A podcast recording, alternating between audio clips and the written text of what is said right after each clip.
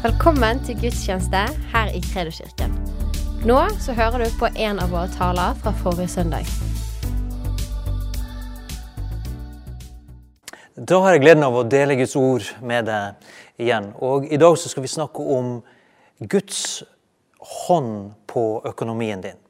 Det er sånn at Gud lar seg ikke styre eller begrense av omstendigheter, eller om det er korona eller ikke. Altså, Gud har en plan han har en gjennomføringsevne i oppgangstider og i nedgangstider. Derfor er det viktig at jeg og du har forventningen knytta til Gud og Hans ord og hva Han sier. Det er der vi har vår identitet, det er der vi har vår tro, det er der vi har vårt framtidshåp. Amen.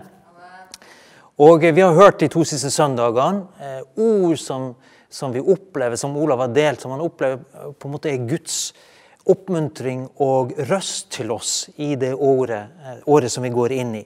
Blant annet i Jesajas 54, eh, vers 2-3, så står det gjør plassen større for ditt telt, og la dem strekke ut teppene i dine boliger. Spar ikke på dem, gjør dine snorer lengre, og fest teltpluggene godt. For du skal utbrøde deg både til høyre og venstre. Din slekt skal ta folkeslag i eie. Og eh, Forlatte byer skal igjen bli bebodd. Så det er et signal fra Gud om at ikke tenk smått, ikke tenk begrensning, men utvid. Tenk mine tanker for det året eh, som kommer. Eh, første søndagen i året så delte han også ut ifra Jabes bønn, som står i første krønikene 4.10. Og da var jo det at, at han ba en inderlig bønn om at Gud, må du velsigne meg og utvide grensene mine. Må din hånd være med meg, sa Jabes. Og så står det at han fikk sine bønner oppfylt. Eh, og jeg, jeg er helt overbevist om at vi går inn i en tid hvor Gud ønsker vekst og utvikling. Og i dag skal vi snakke om det økonomiske området. Det er i Guds natur. Gud er voldsomt rik. Han mangler ingenting. Og han vil at vi også skal ha en tro og en mentalitet på hans muligheter. Eh, men før vi går inn i de godsakene, for å si det sånn, så kommer jo Bibelen også med formaninger når det gjelder penger og økonomi, som er veldig viktig at vi har som et fundament. Fordi at eh, når vi søker Gud og hans velsignelse på det økonomiske området, så skal vi vite det at det er Han som er kilden til alt. At vi ikke begynner å tro at det er i vår egen kraft eller vår egen dyktighet eller kløktighet at vi skal ha framgang. Eh, og Jesus, nei, ikke Paulus sier det i 2. Timoteus kapittel 6 at eh, gudsfrykt med nøysomhet er en stor vinning. Så den største vinningen du kan ha i livet ditt, er rett og slett å leve i gudsfrykt og følge Guds plan og Guds vilje for ditt liv. For Han sier også det at du kom tomhendt inn i denne verden her, og du kommer til å forlate denne verden tomhendt. Spørsmålet er hva har du i hendene dine mens du er på jorden? Det er en tid imellom her som er betydningsfullt. Så sier han det også at har du mat og klær, så skal du være eh, altså fornøyd eller tilfreds med det. Du skal ikke klage eller knurre fordi at du kanskje går gjennom tider med litt mangel men rett og slett vite det at om jeg har mye eller lite, så tilhører jeg Gud. Eh, og han, han sier jo det i fortsettelsen at kjærligheten til penger, det er roten til alt ondt. Så hvis hjertet er sulten på en feil måte etter denne gods og gull som finnes i denne verden, så blir det til noe vondt. Eh, og det er dessverre mange som har blitt ført vill av det her, sier Paulus. Og det kjenner vi til. Altså, de, fordi at de har jaga etter rikdommer, så har de påført seg sjøl og andre store lidelser. Og de har forlatt troen, sier Paulus. Eh, så det er viktig å ha med i mente når vi snakker om disse tingene. Og jeg dessverre sett det skje, at mennesker får problemer fordi at de begynner å bli motivert av å skaffe seg rikdommer. Samtidig, i samme kapittel, så sier han det at at vi skal formane de som er rike i denne verden. Og vi som bor i Norge, vi er faktisk rike, relativt sett, i forhold til hvordan det står til andre steder. Så skal vi ikke være overmodige, sier han, og ikke sette vår håp til den usikre rikdommen. Ikke sette inn håp til den norske stat, som er rik, men til Gud. Han som gir oss rikelig av alt for at vi skal nyte det. Så Gud har behag ved at vi nyter av hans gode gaver. De skal gjøre godt, være rike på gode gjerninger og være gavmilde og dele med andre. Slik samler de seg en skatt som blir en god grunnvoll for fremtiden, så de kan vinne det virkelige liv. Så igjen, Gud er opptatt av hjertet. Hvor er skatten min og din? Ikke sant? Og at ikke det er knytta til, som Bibelen bruker ordet mammon. altså den, den, en, hvis hjertet er etter penger, så kommer det en kraft inn i livet som, som spiser opp og ødelegger menneskers liv. Men penger og ressurser i seg sjøl er nøytrale. Det er spørsmål hvor er hjertet hen, og hvordan forvalter vi og bruker vi det. Gud er helt usannsynlig rik. Det er bare å se på universet. Se på planeten, stjernene. Og når du begynner å lese om solsystemer og enda større solsystemer, så er det så megasvært at vi fatter ikke. Dette har Gud bare skapt, liksom. Til og med vi ikke kan se det, du må ha megastore uh, kikkerter for å kunne se det, så har han skapt det. Uh, denne jorda er også rik. Altså, det er fantastisk med planter, med vekster, med dyr med frukt, med grønnsaker. Der er vann, der er mineraler, der er luft. Det er så mye rikdommer i denne verden. Utfordringen er jo at det er litt skjevt fordelt, ser vi. Men i skapelsen fins det mer enn nok til alle mennesker som bor på denne jorden. Og det har aldri vært Guds tanke eller plan at noen skulle gå, sulten til sengs eller at de skulle mangle vann, rent drikkevann, eller at de skulle mangle tak over hodet, eller at de ikke skulle ha noe fornuftig arbeid eller aktivitet å holde på med. Det er imot Guds natur. Men det er et resultat av at menneskene har gjort opprør mot Gud, og at syndefølget kom.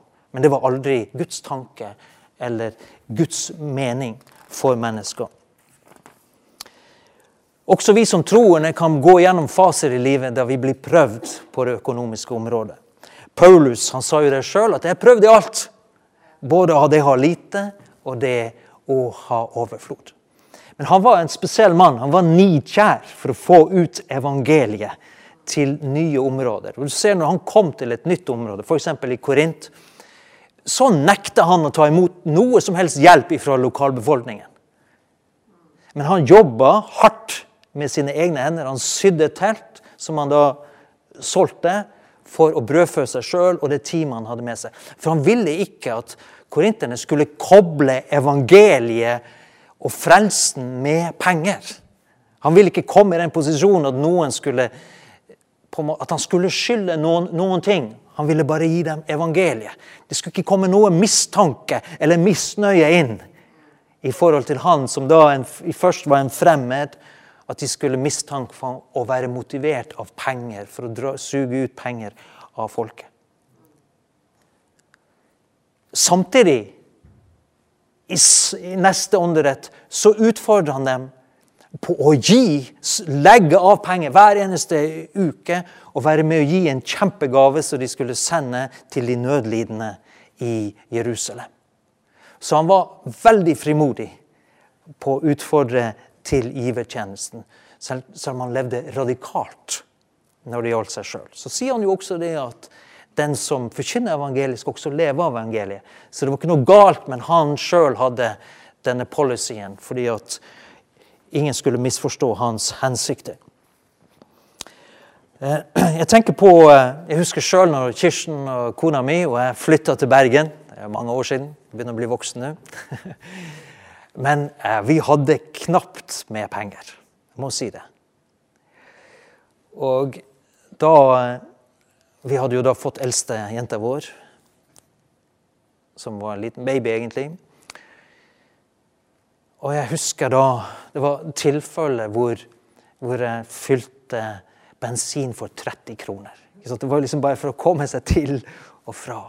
Det var noen ganger jeg gikk på butikken, som var litt nede i gata, og kjøpte én melk. Én liter melk. For det var alt det jeg hadde penger til. Men samtidig så var vi der at vi, vi ville tro på Gud, vi ville stole på Gud, vi ville ikke spørre noen om hjelp. Desto større takknemlighet var det jo når foreldre eller andre ga oss litt ekstra penger. Sånn at vi klarte oss. Men var, da følte vi at det var Gud som, som forsørga oss. For vi spurte ikke etter det. Og da husker jeg en gang så eh, Ja, så, så streika kjøleskapet vårt. Og du vet, så hadde jeg en venn av meg som kom med sånne måleinstrumenter. og sa det, var, det er ingen spenning i denne motoren, så det, det, den, dette kjøleskapet er helt dødt. sånn. Og Da var jeg litt fortvilt. Ikke var det noe finn.no på den tiden heller. ikke sant? Så det var, det var, ikke noe gratis som vi visste om. Og da husker jeg, Men vi måtte jo ha litt kjøling til eh, bl.a. melk til jenta vår. ikke sant?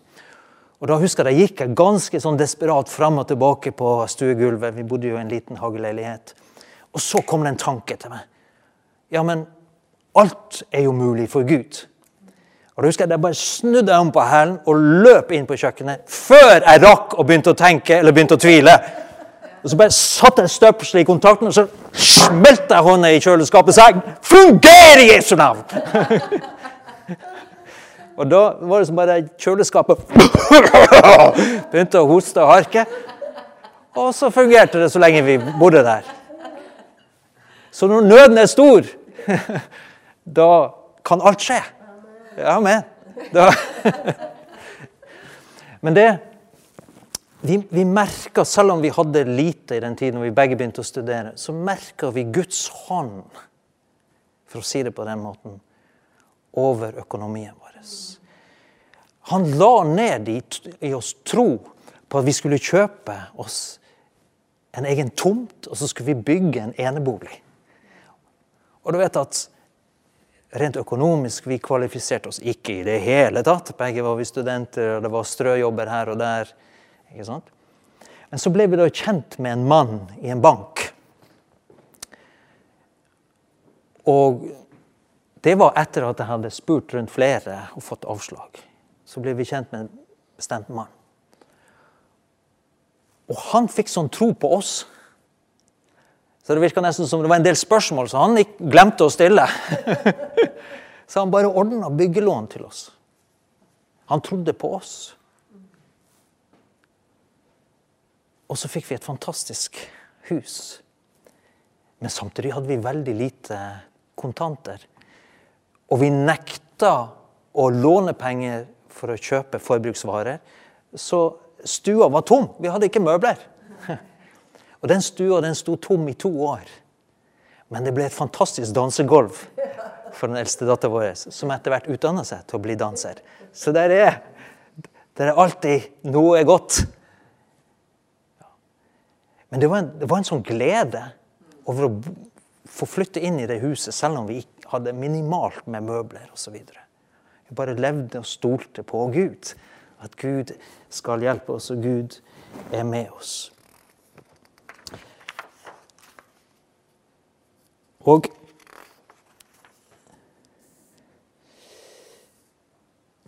Det som var viktig i denne perioden, det var det at vi fortsatte Vi var enige om det. Vi skal fortsette å gi tienden av det vi har, inn i Guds rike, inn i menighet, inn i misjonsarbeidet.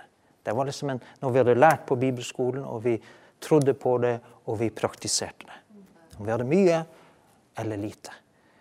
Og jeg er så glad for at vi var litt standhaftige på det, for jeg har sett hvordan det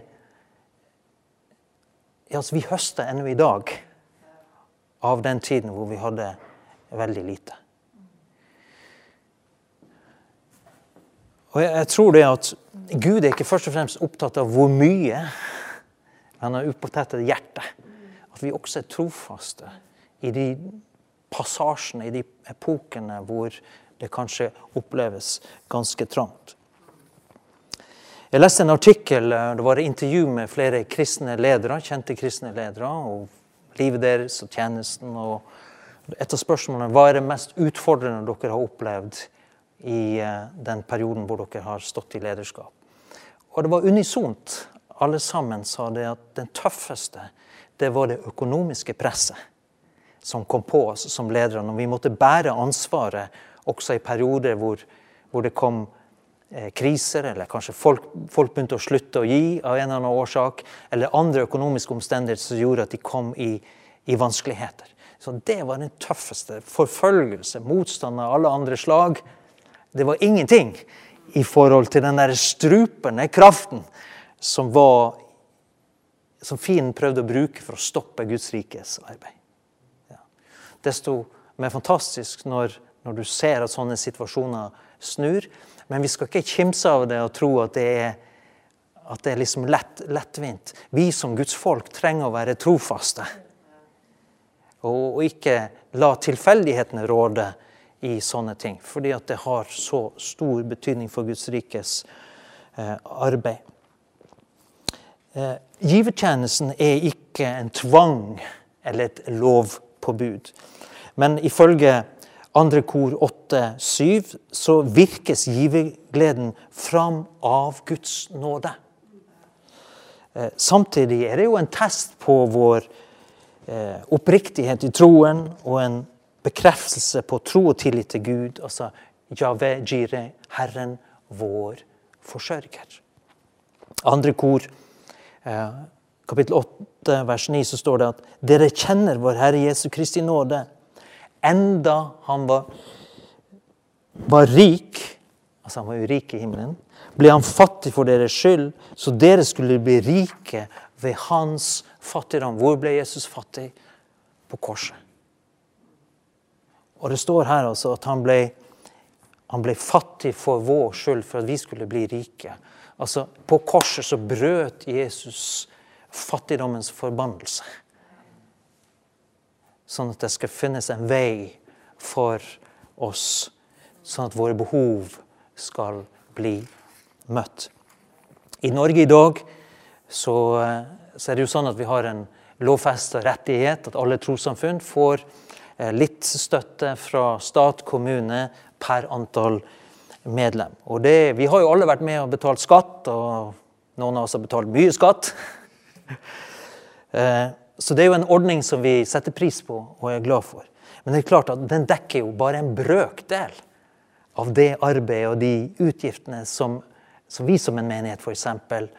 har. Og det som vi opplever at Gud har bedt oss om å gjøre. Og det har aldri vært Guds tanke at, at Hans rikes arbeid skulle finansieres utenfra, men rett og slett av at hans folk er med å avsette fast midler til Hans rikes arbeid. Og Da tenker jeg at Guds plan er at alle skal være med og bidra. Det vi kaller tiende eller fastgivertjeneste. Om man er rik, eller om man er middelklasse, eller om man føler seg som av de fattigere. Det er sånn det er at Gud vil ha alle med på laget. Han vil ikke at hans arbeid skal være avhengig av noen få megarike givere. Han vil at alle skal være med og bidra. Fordi at det er en velsignelse i dette her. Det skal være den økonomiske motoren i Hans rikes arbeid. Det er den faste, hjemlige givertjenesten fra hans folk. Eh, når du og jeg går inn i dette nye året, så skal vi legge planer og ha forventning i samsvar med det Skriftene sier, og det de løfter som vi delte helt i begynnelsen her. Eh, vi skal ikke være styrt av konjunkturer i vår tro eller i vår tanke.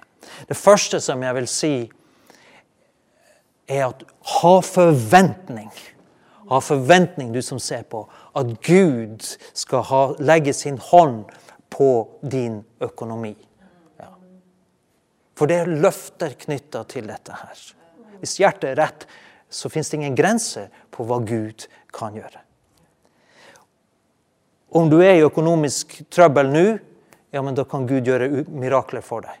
om du er en som har kapasitet og evner til å drive business, eller en gründer og skape arbeidsplasser og verdier, ja, men da skal Gud la deg få skatter. Bryte igjennom, skape ting. Dette året her tror jeg at veldig mye positivt kommer til å skje i så måte. Derfor så kan du be denne bønnen med frimodighet.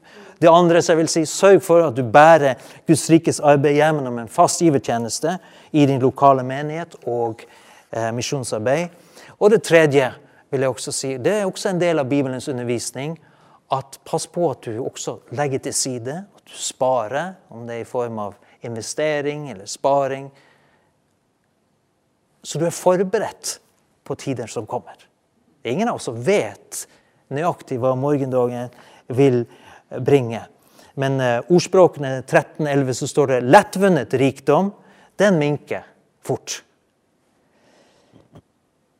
Men den som savler jevnt og trutt, eller litt eller litt, får mer. Det er liksom noen som setter sin lit til den lottokupongen, men Bibelen sier nei. Litt og litt. Bygg stein for stein. Da skal min velsignelse være over deg. Så nøkkelordet her er du kan be om visdom ifra Gud. Hvordan forvalter jeg det jeg har mellom hendene? For jeg er overbevist om at dette året her vil Gud gi vekst på dette feltet, i økonomien, privat og som menighet. Eh, vil, og for at Gud har kalt oss, og Gud har kalt oss kollektivt til å være med å bryte økonomiske åk av fattigdom over mennesker som er i nød. Han har kalt oss til å være med å finansiere forkynnelsen av evangeliet til folkeslag og folkegrupper som aldri har hørt de gode nyhetene før. Og han har kalt oss til å ha overflod når det er manko og nød ellers. Sånn at vi kan møte behov når alt annet er nede. Vi skal være klar for sånne nedgangstider eller uår. Da skal vi ha mer enn nok til å hjelpe. Det er Guds ønske og Guds vilje for hans menighet.